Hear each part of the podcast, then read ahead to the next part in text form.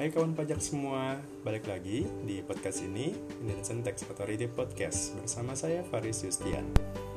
Kali ini, kita, oh ya sebelum kita membahas podcast ini, saya ingin mengucapkan selamat berpuasa gitu bagi anda yang menjalankannya. Semoga tetap sehat, bisa menjalankannya dengan penuh gitu dan bisa beribadah dengan lebih giat. Baik, untuk podcast kali ini kita akan membahas sedikit kalau yang kemarin kan kita sudah membahas tentang PPh pasal 21 ya tentang karyawan dan juga kalau misalkan mereka dapat THR gitu. Nah, kalau sekarang kita beralih ke pemiliknya atau ke yang memberikan penghasilan gitu atau dalam hal ini adalah para pengusaha gitu. Nah, tapi pengusahanya sendiri juga bukan pengusaha yang yang besar ya, maksudnya kayak perusahaan-perusahaan besar gitu gitu kan di tengah pandemi ini, di tengah pandemi COVID-19 ini, kan hal yang sering kita lakukan gitu ya, kayak saya gitu kan. Sekarang ini kan kita jadi sering belanja online ya, gitu. Jadi apa aja dibeli gitu kan, gitu. Kayak kemarin saya beli semacam apa ya, um, ada headset, kemudian ada kayak baju dan sebagainya gitu kan. Jadi hampir dari kita semua lah gitu. Pasti pernah berbelanja online kan gitu. Dan juga caranya juga udah mudah banget kan gitu. Install aplikasi marketplace kemudian tinggal browsing apa aja barangnya kemudian pesen syukur-syukur gitu kan. Misalkan kan banyak promo nih salah satu keunggulannya kalau kita belanja online kan banyak promo ya. Dan juga kita carinya biasanya yang gratis ongkir gitu kan gitu. Jadi beli minimal berapa gitu kan? Atau ada batas minimum apa ya minimum transaksi ya minimum transaksi kemudian kan ada gratis ongkirnya gitu kan. Dan itu biasanya kadang lebih murah gitu dibanding kalau misalkan kita belanja konvensional gitu dibanding misalkan belanja kita di toko gitu. Karena ya memang kalau online shop itu kan memang paling paling perbedaan paling kentara ketika kita belanja dengan toko konvensional kan mereka nggak butuh tempat ya. Maksudnya katakanlah kalau kita belanja baju misalkan. Kalau kita belanja di toko konvensional kan itu ada displaynya gitu ada ada tempatnya gitu. Entah itu bentuk ruko atau atau dia sewa tempat misalkan apa kayak kios kecil gitu atau bahkan di mall misalkan. Kan itu ada biaya tambahannya gitu sementara kalau di online shop ya udah gitu. Misalkan kayak kita belanja makanan misalkan atau kayak baju tadi ya otomatis ya ya displaynya nggak ada kan. Maksudnya displaynya tinggal kita foto sendiri kita upload gitu kan orang-orang udah lihat gitu. Jadi nggak nggak perlu ada tambahan biaya untuk display display baju atau display makanan itu gitu. Itu salah satu keuntungan kalau kita memiliki online shop gitu. Tapi balik lagi gitu kan e, setiap penghasilan yang kita peroleh itu kan pasti ada pajaknya ya gitu. Mau dari online shop mau dari off offline shop gitu kan. Karena itu yang namanya penghasilan ya gitu. Kan kalau yang namanya pajak itu kan tidak mengenal penghasilan itu dari mana gitu. Yang penting anda dapat penghasilan gitu. Maksudnya mau mau dari jalur apa pun gitu ya. Maksudnya dari entah itu online offline gitu. Mau dari jalur yang nggak bener bahkan gitu kan ya itu semuanya penghasilan gitu. Jadi pajak itu sifatnya netral gitu. Mau mau berapapun penghasilan anda mau dari mana pun penghasilan anda ya ada pajaknya gitu. Nah kita akan membahas mengenai itu gitu. Jadi oh ya sebelum kita bahas materi saya ingin sedikit bercerita gitu tentang podcast ini gitu. E, karena kan seringnya monolog ya maksudnya memang podcast ini hadir gitu ya. E, salah satunya memang ya saya pengen berbagi aja gitu. Pengen berbagi tentang ilmu yang saya miliki gitu. Kebetulan karena saya sebagai petugas pajak ya otomatis ya ilmu ilmu yang bisa saya bagi adalah tentang pajak gitu. Dan walaupun kadang-kadang saya selingi juga gitu tentang hal-hal di luar pajak gitu yang kayak sifatnya pribadi atau mungkin tips-tips dan sebagainya gitu. Karena selain pajak juga kan saya ya ada sedikit ilmu lah gitu tentang kayak desain dan sebagainya gitu. Mungkin nanti akan saya share juga gitu. Dan apa seringnya emang monolog ya tapi tapi ya sebenarnya pengen juga sih misalkan kayak kolaborasi atau kita ngobrol gitu kan gitu. Jadi ya semoga aja nanti ke depannya podcast ini lebih variatif gitu tentang isinya. Kemudian pembahasannya juga lebih berbobot gitu. Kalau saya cenderung menghindari untuk saat ini ya untuk saat ini saya menghindari untuk um, apa kayak tema-tema yang sifatnya kebijakan gitu. Karena aturannya sendiri kan itu eh, yang pertama gitu. Saya nggak nggak saya takut nggak punya kualifikasi untuk menjelaskan itu gitu. Karena kan itu biasanya kan yang peja yang yang pejabat ya yang harus menjelaskan gitu. Yang kedua saya takut salah informasi gitu. Maksudnya um, kan kadang apa misalkan kayak sekarang nih gitu tentang covid nih karena banyak banget kebijakan insentif-insentif dan sebagainya kan gitu. Nah saya saya takut apa saya takutnya itu saya salah memberikan informasi kan gitu. Jadi ya biasanya sih saya mainnya di di sesuatu yang udah pasti-pasti aja gitu. Maksudnya sesuatu yang aturannya sudah jelas dari dulu gitu. Jadi ya kalau misalkan ada pertanyaan dan sebagainya saya bisa jawab gitu. Tapi kalau misalkan hal-hal yang belum bisa saya jawab ya nanti saya akan pasti akan diskusikan ke atasan saya atau ke teman-teman yang mungkin lebih lebih berhak untuk menjawab itu gitu. Kayak di kering pajak atau di level pejabat tadi di eselon gitu.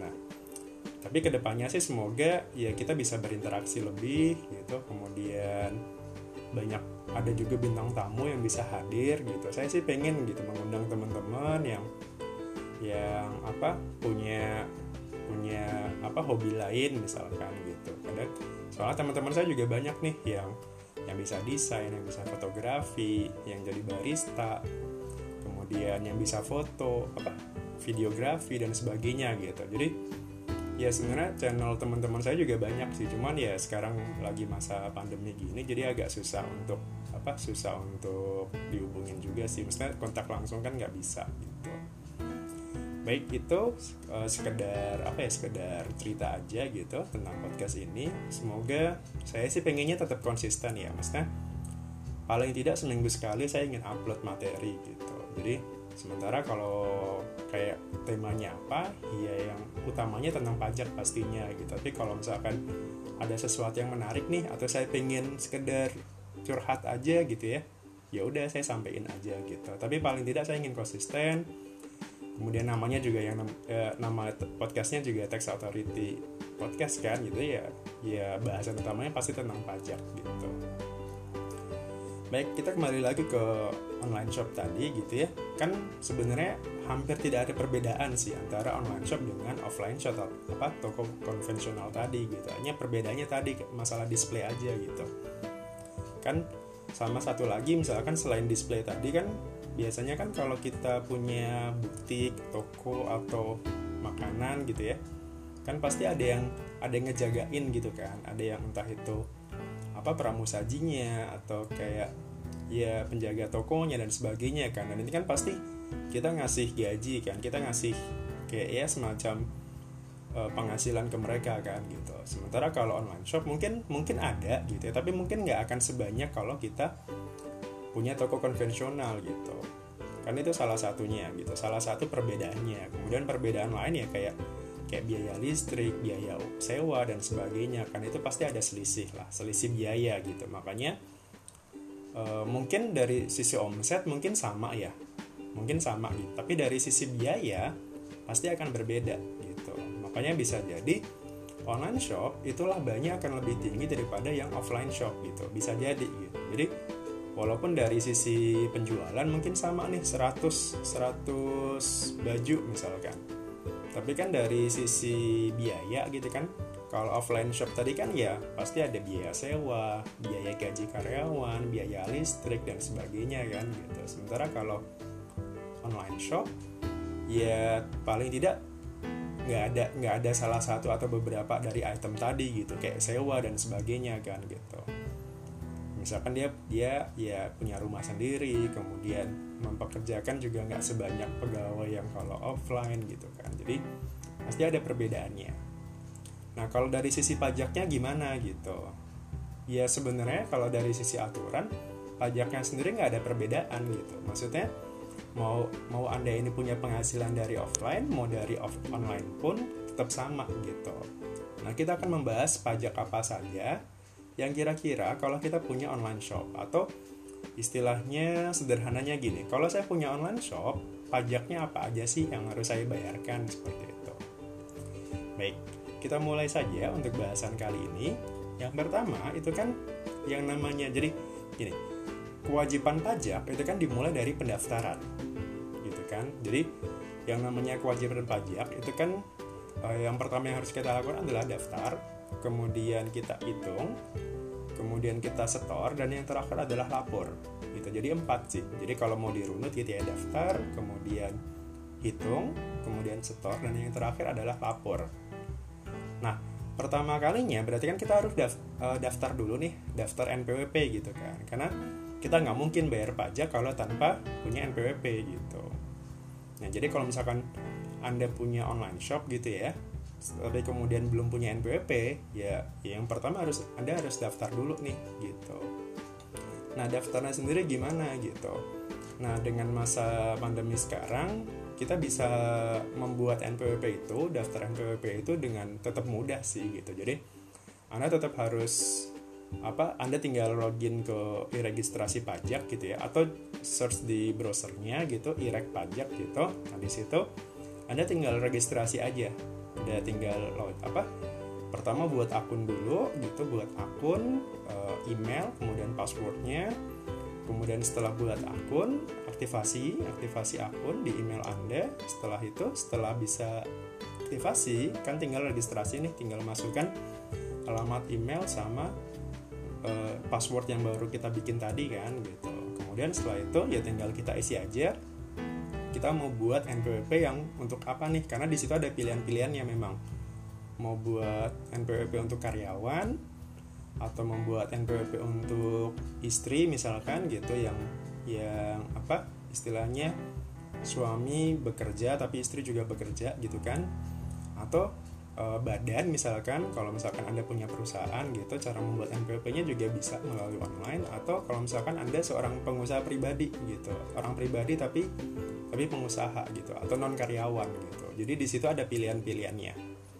Anda tinggal isi uh, paling tidak ada domisili kemudian alamat kemudian tempat tinggal gitu ya. Uh, itu diisi semua kemudian tempat usahanya di mana kemudian kira-kira berapa omsetnya gitu? Ada ada sisi berapa penghasilan sebulan anda? Ada pertanyaan seperti itu. Kemudian setelah itu ya tinggal kita upload dokumennya gitu. Upload dokumen sendiri bisa kita upload ke situ ke situsnya langsung atau juga bisa kita kirim gitu. Nah kalau badan sih atau atau yang orang pribadi tadi ya yang pengusaha ya syarat tambahannya selain KTP biasanya ya kayak semacam surat-surat perizinan gitu kayak kayak siup situ atau izin gangguan dan sebagainya gitu atau surat domisili misalkan gitu. Kalau dia yang usaha badan gitu. Kurang lebih itu sih untuk untuk daftarnya. Setelah selesai tinggal kita kirim datanya ke KPP yang terdaftar gitu. Jadi KPP yang terdaftar itu akan me merujuk di mana tempat anda tinggal gitu. Jadi misalkan anda tinggalnya di Bandung misalkan. Nah KTP-nya akan mencari nih Eh, sistem akan mencari kira-kira dengan alamat ini Anda terdaftar di KPP Bandung mana gitu. Karena kan kalau di Bandung itu kan banyak ya KPP-nya ya. Ada Cibenying, Bojonegara, Cicadas dan sebagainya gitu. Nah, tinggal kita cari aja kira-kira dengan alamat di mana gitu ya misalkan saya di Parongpong misalkan oh terdaftarnya di Cimahi nih KPP Cimahi misalkan oh ya udah berarti nanti saya terdaftarnya atau saya kirim berkasnya ke Cimahi misalkan gitu. atau di di Jakarta di Jakarta bahkan banyak banget KPP-nya kan itu bahkan hampir per kelurahan kalau di Jakarta itu. Jadi ya setelah itu daftar kemudian setelah setelah selesai daftar nanti kan ada apa sistemnya kan akan masuk ke kami ya akan masuk ke kantor pajak yang dituju tadi gitu. Nah nanti akan petugasnya ini akan mensortir nih kira-kira yang yang valid yang mana gitu yang layak yang mana gitu. Karena kan ya kayak ada misalkan oh ternyata KTP-nya udah nggak berlaku misalkan. Itu ya pasti nanti akan ditolak kayak gitu. Jadi atau misalkan syarat-syaratnya kurang lengkap nih gitu. Jadi itu pasti akan ditolak. Atau alam alamatnya nggak bener cara penulisannya gitu. Jadi harusnya ditulis lengkap misalkan. Ternyata e, misalkan kayak nama jalannya nggak ada nama kelurahannya nggak ada dan sebagainya. Itu pasti nanti akan di direvisi kembali gitu. Ditolak. Tapi kemudian anda kalau misalkan ditolak pun anda bisa ajukan kembali gitu. Sampai nanti selesai diproses kemudian di approve. Nah selesai di approve gitu ya selesai disetujui gitu nanti kan dapat nomor NPWP nah nomor NPWP ini bisa digunakan udah langsung bisa digunakan nomornya gitu. Nah sementara kartunya gimana gitu? Karena ini lewat online nih. Nah biasanya kartunya itu akan nanti uh, akan kami kirim ke alamat yang terdaftar tadi gitu yang anda tulis tadi alamat apa korespondensinya ada tulis gitu. Kira-kira NPWP-nya ini mau dikirim ke mana gitu. E, kalau misalkan ternyata NPWP-nya nggak nyampe misalkan kita udah nunggu nih gitu kita udah disetujuin gitu ternyata udah sebulanan kok NPWP saya nggak ada ya gitu nggak terkirim ya gitu. Nah anda bisa kayak istilahnya cetak ulang gitu anda bisa cetak ulang NPWP di mana aja, di kantor mana aja gitu, kantor pajak mana aja, cukup cukup bawa bukti tadi, bukti bahwa Anda sudah terdaftar, punya NPWP sekian gitu. Nah, cukup cetak ulang aja pakai uh, apa? terdaftar tadi sama mungkin KTP mungkin. Nah, setelah itu ya udah bisa digunakan NPWP-nya gitu. Jadi, fase pertama, fase pendaftaran itu sudah Anda lakukan berikutnya adalah fase penghitungan gitu. Fase hitung. Nah penghitungannya sendiri pajaknya sendiri kan tadi ya eh, antara offline dengan online itu memang tidak ada bedanya sebenarnya kalau dari sisi penghasilan ya gitu. Dan untuk saat ini gitu untuk aturan yang sekarang gitu kan kalau online gitu kalau dia kategorinya UMKM gitu UMKM itu kategorinya apa sih gitu? Kalau misalkan kita ya online shop kan rata-rata perdagangan ya gitu. Uh, atau pedagang eceran biasanya kan gitu. Perdagangan entah itu entah itu baju ataupun peralatan ataupun makanan dan sebagainya gitu kan. Nah UMKM itu standarnya adalah kalau dia penghasilannya itu atau omsetnya di bawah 4,8 miliar dalam satu tahun. Jadi kalau misalkan Anda punya online shop gitu, punya apa ya kayak jualan baju gitu, kemudian on omset Anda, omset Anda selama satu tahun katakanlah 3 miliar, 2 miliar gitu atau mungkin 4 miliar misalkan maka kategorinya itu masih kategori UMKM gitu. Jadi Anda masih dianggap sebagai kategori yang uh, usaha mikro dan menengah tadi gitu. Jadi pajaknya ikut yang aturan UMKM tadi. Nah, untuk sekarang pajak UMKM sendiri itu tarifnya adalah setengah persen aja gitu. Jadi mulai tahun 2018 kemarin itu kita revisi pajaknya. Dari yang awalnya itu satu persen sekarang jadi setengah persen aja. Gitu. Walaupun ya sekarang kalau nggak salah karena ada masa pandemi ini jadi um, sampai dengan bulan apa ya September kalau nggak salah dari April sampai September kalau nggak salah itu memang untuk sekarang gitu ada kebijakan itu dibebaskan. Tapi e, kita tunggu aja aturan aturan pelaksanaannya ya. Karena kan itu masih instruksi presiden nih. Tapi kan biasanya habis itu ada ada aturan pelaksanaannya. Kira-kira teknisnya seperti apa. Tapi secara umum pajak UMKM itu adalah setengah persen aja. Atau biasanya kalau kita sebutnya biasanya pajak final PP23 kenapa PP23 karena dia merefernya ke aturan PP 23 peraturan pemerintah nomor 23 gitu. Tahun 2018 yakni secara secara overall secara umum adalah pajaknya setengah persen dari omset dia tiap bulan. Dengan catatan tadi omsetnya di bawah 4,8 miliar. Jadi misalkan kayak tadi contohnya gitu. Saya saya punya online shop baju gitu ya. Katakanlah omset bulan ini gitu ya misal ya 100 juta omset bajunya. Nah, berarti 100 juta ini kita kalikan 0,5% pajaknya. Berarti kan kira-kira berapa tuh? E, eh, 500 ribu ya. 500 ribu pajaknya sebulan. Terus misalkan bulan depannya ya omsetnya turun gitu kan. Kan yang namanya omset itu kan nggak akan mungkin stabil ya. Bisa naik, bisa turun gitu kan. Nah, pajaknya juga pasti akan menyesuaikan gitu. Jadi ya silakan aja. Jadi kan kita fair ya. Maksudnya kalau penghasilannya tinggi ya pajaknya juga ikut tinggi gitu. Tapi kalau misalkan penghasilannya turun atau penjualannya turun ya pajaknya juga ikut turun gitu. Jadi di sini kita fair gitu. Jadi tarifnya tetap gitu setengah persen. Tapi berdasarkan dari omset anda gitu. Setengah persen. Jadi contohnya kayak tadi gitu. Dan itu sifatnya final ya. Maksudnya final ini adalah koneksi Bluetooth dihentikan. Sesuatu yang udah selesai gitu. Jadi ya apa? Sesuatu yang yang udah selesai gitu. Jadi nggak perlu diperhitungkan kembali gitu. Jadi ya ya udah ketika udah selesai udah bayar ya berarti anda nggak perlu perhitungan lagi dengan pajak yang lainnya gitu. Sudah selesai di pada saat anda setor nah sekarang kan tadi sudah kita hitung nih pajaknya setengah persen gitu. Kalau dia sifatnya UMKM gitu. Tapi kalau misalkan bukan UMKM gimana gitu? Jadi uh, misalkan omsetnya di atas 4,8 nih gitu. Nah yang pertama anda harus daftar PKP terlebih dahulu gitu. Pengusaha kena pajak gitu. Jadi anda harus daftar kemudian Anda setelah PKP kan Anda harus pungut PPN-nya yang pertama Anda harus pungut PPN 10% dari barang yang Anda jual gitu. jadi misal harganya 100 ribu yang harus Anda jual adalah 110 ribu karena PPN-nya 10% gitu. Kemudian kalau PPh-nya gimana pajak penghasilannya gimana setelah setelah itu gitu. Jadi kita ikut aturan yang yang umum gitu. Jadi Anda harus buat pembukuan. Jadi harus uh, dari omset anda itu anda harus buat pembukuannya. Kira-kira dari omset segini biaya saya berapa sih keuntungan saya berapa laba saya berapa gitu kan. Nah pajaknya dari laba tersebut gitu. Jadi bukan dari omset lagi tapi dari laba gitu. Jadi kalau uh, omsetnya di atas 4,8 miliar. Jadi misal omsetnya 5 miliar gitu kan. Kemudian biaya-biaya segala macamnya katakanlah empat setengah sendiri gitu kan. Jadi labanya 500 juta gitu.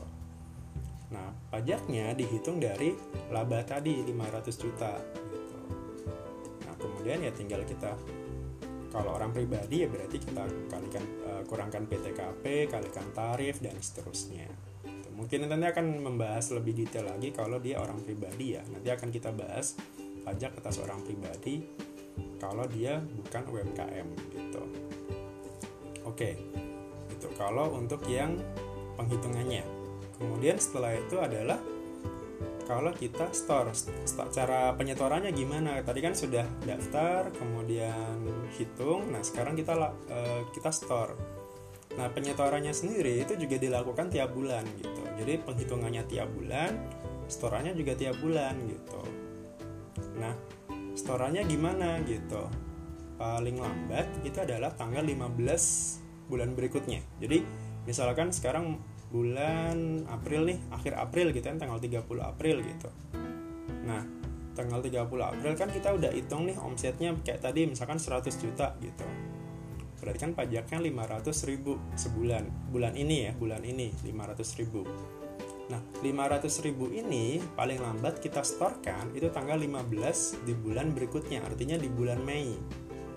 Paling lambat ya, ada kata-kata paling lambat. Jadi kurang dari tanggal itu ya disarankan lebih bagus gitu. Jadi misal mulai besok misalkan kita kita udah bayar gitu, ya itu lebih bagus kan gitu. Jadi nggak nggak telat juga, nggak kena denda juga dan sebagainya. Gitu. Jadi tanggal tanggal mulai dari tanggal 1 sebelum tanggal 15 itu jauh lebih bagus gitu. Kan kalau tagline kita untuk sekarang kan lebih awal lebih nyaman ya artinya ya udah jadi nggak usah mepet-mepet jadi kan kalau kebiasaan kita gitu kan kalau kita dikasih tahu gitu kan oh paling lambat segini nih gitu. Tanggal segini gitu kan. Pasti orang akan melakukan di tanggal itu kan gitu. Tapi kalau nggak kita kasih tahu e, tanggal paling lambatnya ya udah pokoknya kamu bayar aja lebih cepet gitu kan. Itu kan e, secara sugesti kan akan lebih bagus gitu ya. Jadi ya udah awal-awal bulan aja udah bayar gitu pajaknya gitu. Paling lambat adalah tadi tanggal 15 bulan berikutnya gitu. Bulan depannya juga sama gitu. Misalkan bulan Mei selesai ya berarti paling lambat tanggal 15 Juni bulan berikutnya tadi kan gitu. Jadi ya itu dia lakukan setiap bulan gitu. Maksimal tanggal 15 dengan omset yang berbeda-beda tentunya tadi kan. Oke setelah nah kemudian storanya gimana cara nyetornya gitu kan? Tadi, tadi kan tanggal store-nya paling lambat gitu kan. Cara store gimana? Kalau cara store-nya sendiri itu kalau nggak salah udah banyak channel sih yang menyediakan gitu. Anda bisa langsung bayar di ATM gitu. Anda tinggal pilih aja pajak. Kalau nggak salah ada di uh, kalau bank-bank tertentu kayak Bank Mandiri, BCA, BRI itu kalau nggak salah sudah menyediakan uh, menu khusus kalau mau bayar pajak yang UMKM tadi gitu. Tapi kalau nggak ada misalkan ya kita harus buat billing dulu nih. Billing eh billing ya billing billing pajak gitu.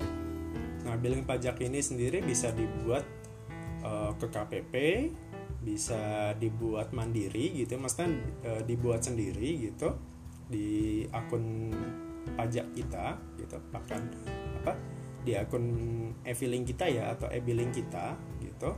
Tinggal kita masukkan aja kode pembayarannya. Nah, untuk kodenya sendiri untuk pembayaran UMKM tadi itu kodenya adalah kode jenis pajaknya itu adalah 411128 411128 kemudian kode jenis torannya adalah 420 gitu. jadi kode jenis torannya 420 nah setelah itu kita buat uh, kita pilih aja masa pajaknya bulan apa nih bulan April misalkan bulan April tahun 2020 sekian uh, sebesar 500 ribu rupiah gitu.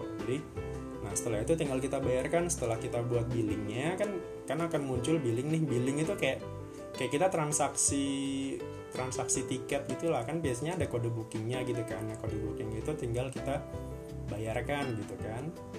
Uh, masukkan kode uh, kode booking atau kayak virtual account gitu kan. Kan kita diminta untuk masukkan nomor akun segala macamnya bayar di situ gitu kan. Kurang lebih sama sistemnya kayak gitu. Jadi kita buat kode billing kemudian dari billing itu kita input di pembayaran gitu ya mau di bank kantor pos atau bahkan kalau nggak salah sekarang juga udah bisa bayar di Tokopedia Bukalapak dan sebagainya gitu. Kalau nggak salah ya gitu. Uh, untuk teknisnya mungkin nanti uh, apa mungkin bisa dicari sendiri gitu ya kalau kalau kita bayar di Bukalapak gimana atau Tokopedia gimana gitu. Tapi kalau di bank ya tinggal kita storekan aja billingnya itu ke petugasnya gitu ke tellernya misalkan atau di mobile mobile banking gitu ada sekarang kalau nggak salah di beberapa. Jadi tinggal apa masukkan aja ke menu pembayaran pajak gitu ya pajak nasional gitu. Jangan pajak daerah ya karena itu beda beda instansi gitu. Jadi kita pilih yang pajak pajak atau cukai biasanya gitu. Pajak atau cukai. Nah di situ kita masukkan billingnya setelah itu kita bayarkan gitu. Jadi udah selesai dari situ gitu. Untuk yang penyetoran jadi tadi tanggalnya adalah paling lambat 15 bulan berikutnya. Kemudian kodenya kode pembayarannya adalah 411128 kode storannya itu 420 gitu. Kemudian itu setelah itu tinggal kita bayarkan ke ke tempat yang yang biasa kita bayarkan pajak gitu. Mau di bank kantor pos atau di marketplace tadi gitu Nah, berikutnya setelah uh, setelah setor itu kan kita lapor gitu. Nah, pelaporannya sendiri itu di SPT tahunan kita gitu. Jadi kalau UMKM sih Pak, ya untuk pelaporannya setahun sekali aja gitu. Kayak kayak sekarang gini lah gitu kan. Ini tanggal 30 April kan gitu. 30 April kan batas akhir pelaporan SPT badan gitu. Walaupun kemarin juga ada relaksasi kan gitu. Orang pribadi pun juga sama uh, batas akhirnya juga tanggal tanggal sekarang juga tanggal 30 April. Padahal kalau yang seharusnya kalau orang pribadi itu kan kalau SPT tahunannya itu paling lambat tanggal 31 Maret kemarin gitu. Sudah sebulan yang lalu gitu. Tapi karena ada wabah ini akhirnya kita undur. Jadi tanggal 30 April. Nah kita laporkan di SPT tahunan kita gitu. Jadi cukup dilaporkan aja. Jadi nggak ada yang perlu di perhitungkan kembali kan karena tadi final gitu sudah sudah final. Jadi kita cukup laporkan aja omset saya sekian pajak yang sudah saya bayarkan sekian selesai. Jadi misal kayak tadi contohnya uh, ya anggaplah rata-rata 500 ribu per bulan gitu kan. Ya udah itu udah kita setorkan semua kan selama satu tahun nih gitu dari Januari sampai Desember gitu. jadi kira-kira berapa totalnya kemudian omset saya kira-kira berapa setahun ya udah itu tinggal kita laporkan aja di laporan di lampiran yang bagian final ya gitu. Jadi dicari aja di kalau untuk yang 1770 formulir yang 1770 itu di lampiran 3 gitu di PPA final gitu. Kan ada beberapa lampiran ya tapi kalau yang di badan kalau nggak salah di lampiran 5 apa 6 gitu tapi ya cari aja di di SPT badan itu atau di SPT orang pribadinya. Pokoknya di bagian lampiran PPH final atau penghasilan yang dikenakan final. Biasanya di paling bawah. Kolom-kolom paling bawah di bagian final itu ada uh, omset atas penghasilan tertentu gitu misalkan. Nah setelah itu ya udah tinggal kita laporkan ke ya kalau untuk pelaporannya sendiri kan ya sekarang udah pakai bisa pakai e-filing bisa pakai e-form bisa pakai ISPT gitu kan? Atau kalau misalkan masih mau pakai kertas juga silakan tinggal kita kirim lewat pos gitu kan. Itu itu udah banyak banget cara pelaporannya gitu. Mulai dari online ataupun offline juga ada gitu. Jadi karena ah, kan kantor pajaknya tutup gitu kan nggak melayani tetap muka nih gitu. oh ya udah kan bisa online gitu. Atau bisa kirim aja lewat pos gitu kan walaupun misalkan nyampe nya besok atau minggu depan gitu kan tetap tanggal posnya yang dicatat pada saat uh, apa pelaporan gitu jadi misalkan kita ngirim posnya hari ini gitu ya ya kita anggap sebagai pelaporan hari ini gitu walaupun misalkan nanti nyampe nya itu minggu depannya misalkan di kantor gitu ya gitu. terus kalau misalkan kalau misalkan ada data yang kurang lengkap misalkan oh pak ini apa um, laporannya kurang lengkap nih harus ada melampirkan peredaran usahanya misalkan. Oh ya udah tinggal lengkapi aja tinggal kita kirim lagi aja gitu kelengkapannya. Makanya nomor telepon itu penting gitu. Jadi ketika kita isi SPT jangan sampai kita nggak nih apa nggak mencantumkan nomor nomor uh, telepon kita gitu nomor handphone kita gitu. Karena nanti kalau misalkan sewaktu-waktu kita butuh gitu ya misalnya kayak dokumen yang kurang lengkap dan sebagainya tinggal kita hubungin aja kan cepet tuh kalau misalkan kayak gitu kan ya tinggal di, di scan aja gitu kan itu itu udah udah ya sekarang udah gampang banget lah untuk masalah pelaporan gitu. Hanya hanya masalahnya mau atau enggak sih kalau sekarang gitu. Kalau untuk masalah kemudahan sih itu udah itu udah mudah banget kok gitu. Bahkan untuk e-filing sendiri yang kalau kita udah udah tahu gitu ya udah tahu alurnya saya yakin paling nggak nyampe berapa ya paling nggak nyampe 10 menit lah mungkin hanya lima menitan gitu. Itu setelah itu udah selesai. Untuk sesuatu yang yang dilakukan setahun sekali gitu. Jadi udah sebenarnya udah gampang banget sebenarnya caranya gitu. terus kalau untuk yang orang pribadi yang usaha tadi kan sekarang juga udah ada e-form gitu kan. Selain dari e-filing e-form ini ya ya sama juga online juga gitu. Tapi kita isinya juga bisa gitu bisa secara offline gitu. Nanti baru kalau dikirimnya itu online.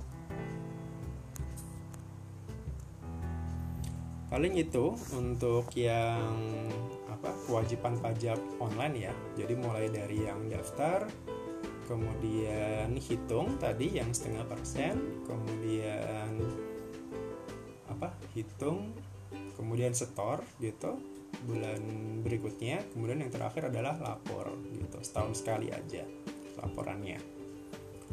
Itu kalau statusnya UMKM nanti kalau misalkan kita bahas di luar UMKM misalkan nanti kita akan bahas sih gitu. itu saja semoga memberikan manfaat atas materi kali ini dan mohon maaf kalau tadi ada beberapa noise atau suara gangguan ya karena saya tadi lupa mematikan bluetooth sama ada beberapa notifikasi lain. Semoga bisa memberikan manfaat. Ya, kembali lagi untuk online maupun offline itu tidak ada bedanya sebenarnya secara secara pemajakan itu tidak ada bedanya. Maksudnya tidak ada jenis pajak lain. Apa? Wah jangan-jangan misalkan uh, misalnya jangan ada kekhawatiran wah karena saya online pajaknya lebih tinggi nih gitu. Atau wah karena saya online makanya saya diburu-buru gitu kan. Oh enggak sih gitu. Maksudnya ya sama aja itu di di mata pajak itu kan semuanya sama ya. Maksudnya penghasilannya ya ya mau anda dari offline online gitu dari sesuatu yang benar atau nggak benar gitu ya sepanjang anda punya penghasilan ya tetap ada pajaknya gitu. Dan tarifnya juga akan sama gitu. Maksudnya nggak ada pembedaan untuk itu gitu. Ya intinya pajak itu kan keadilan ya. Maksudnya ya semakin anda besar penghasilan ya harusnya semakin besar juga pajaknya kan gitu. Atau kebalikannya juga sama gitu. Semakin uh, rendah penghasilannya juga pajaknya juga akan semakin rendah gitu. atau juga misalkan dalam wabah ini ya kan kita ada beberapa insentif-insentif kan dan itu bisa di, dilakukan atau di, dimanfaatkan segera gitu kan. Silakan gitu. Itu sebagai fasilitas gitu. Jadi biar tidak memberatkan juga gitu kan. Gitu walaupun ya sebenarnya kalau saya analogikan ya pajak itu ya sama kayak bahan bakar gitu. Maksudnya kayak kita punya mobil lah gitu. Mau sebagus apa pun mobilnya gitu ya. Kalau nggak ada bahan bakar kan nggak bisa jalan gitu. Jadi ya kalau saya ibaratkan pajak itu ya kayak bahan bakar gitu. Kita mau jalan nih mau jalan mudik misalkan atau mau jalan keluar kota gitu kan kan butuh bahan bakar yang full gitu ya bahan bakar yang yang banyak gitu. Nah bagaimana kalau misalkan bahan bakarnya kurang gitu kan otomatis ya ya tersendat kan perjalanannya gitu. Entah itu apa mati di tengah jalan atau harus kita isi ulang gitu kan ya itu pasti akan tersendat gitu.